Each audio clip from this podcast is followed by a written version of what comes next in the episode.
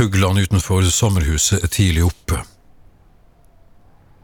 Jeg hører dem starte syngekoret ved det åpne vinduet, og jeg hører havet også utenfor. Men det er ikke den lyden som er den mest fremtredende akkurat nå. Klokka er straks før fem, og jeg tror at det er like før du kommer. Du oppfører deg i alle fall slik.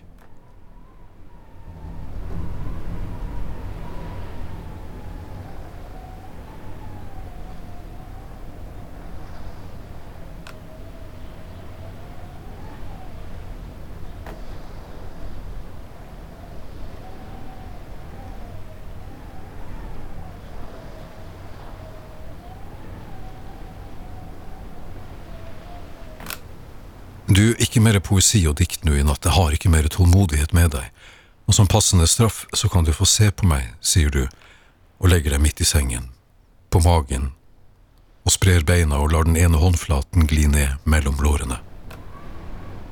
Jeg hadde jo forsøkt å lese et dikt for deg, men du ble jo opphissa og utålmodig, og jeg ble opphissa og utålmodig av at du reagerte sånn, så jeg la diktboka vekk, bretta sammen lesebrillene og sa men det her er jo ikke noen straff, det her er bare en belønning. Ja, da kan du fortelle meg hvordan jeg ser ut, fortsetter du, og ikke noe mer dikt og poesi nå, si det rett ut. Ja, bare beint fram og rett ut, sier jeg. Ja, akkurat sånn, ikke pakk det inn, dikt, det kan vi bruke seinere. Og det er ti minutter siden nå. Jeg har beskrevet noen ganger instruerende og imperativt, andre ganger bare som en hvisking, og jeg skjønner at du lytter nøye. Ved enkelte beskrivelser så ber du meg gjenta, stanse, spole tilbake, gjenta, utdype. Ta det om igjen en gang til, sier du, og jeg forsikrer deg om at du er enestående, for det er du.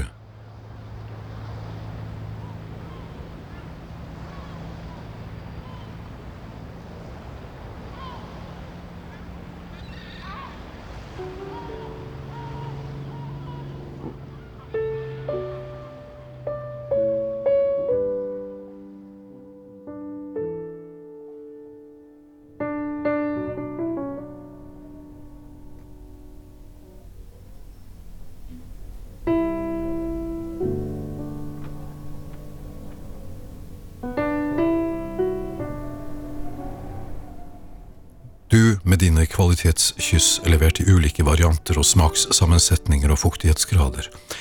Yeah, baby, dette kan vi. Og du tar med deg din erfaring, og jeg deler av min.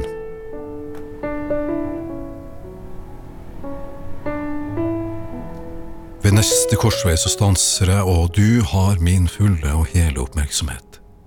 Og havet der utenfor bruser, og du roper her inne, og du ber meg hjelpe til.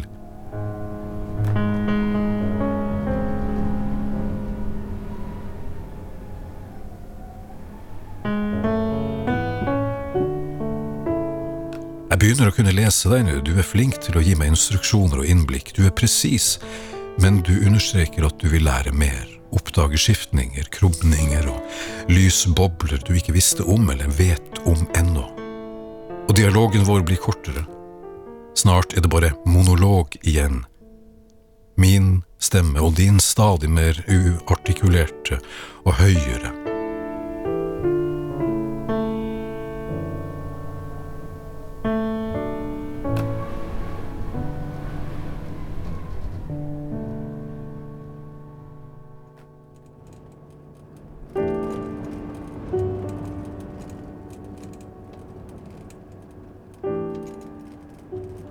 Når du kommer, så trekker ryggen din seg sammen, og du rykker i sammenkrøpet stilling. Nei, dikt, det er det ikke.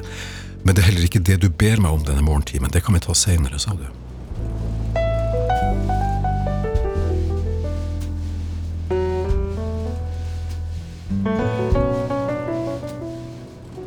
Du ber om min oppmerksomhet mot nesten ordløs råhet.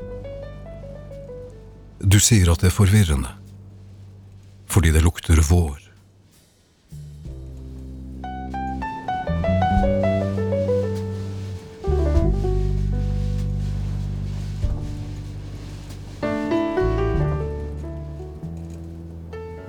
snart er årene minner. Å, du klare morgentimes store stillhet. Hyllet i lette klær vil jeg vandre i åsene lengst mot øst. Se skodden sige innover fjellvannet, dvele, løse seg opp i intet. En vind fra syd stryker lint gjennom spede aks av vårens første korn.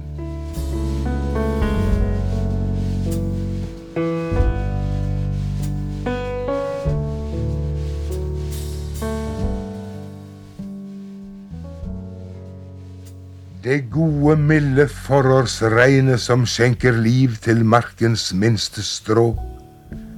Det er naturens første svake lengsel. Det valgte natten til å komme i, og myke, varme vinder bar det frem og fuktet alt med vårens sakte dugg. Og skyene lå mørke over veien da jeg i nattens sene timer søkte hjem. Matt blinket junkene ved flodens leie. Men nu i gryet glitrer hver en åker. Se, himmelen ler og blomster anger søtt og villig fra de keiserlige haver.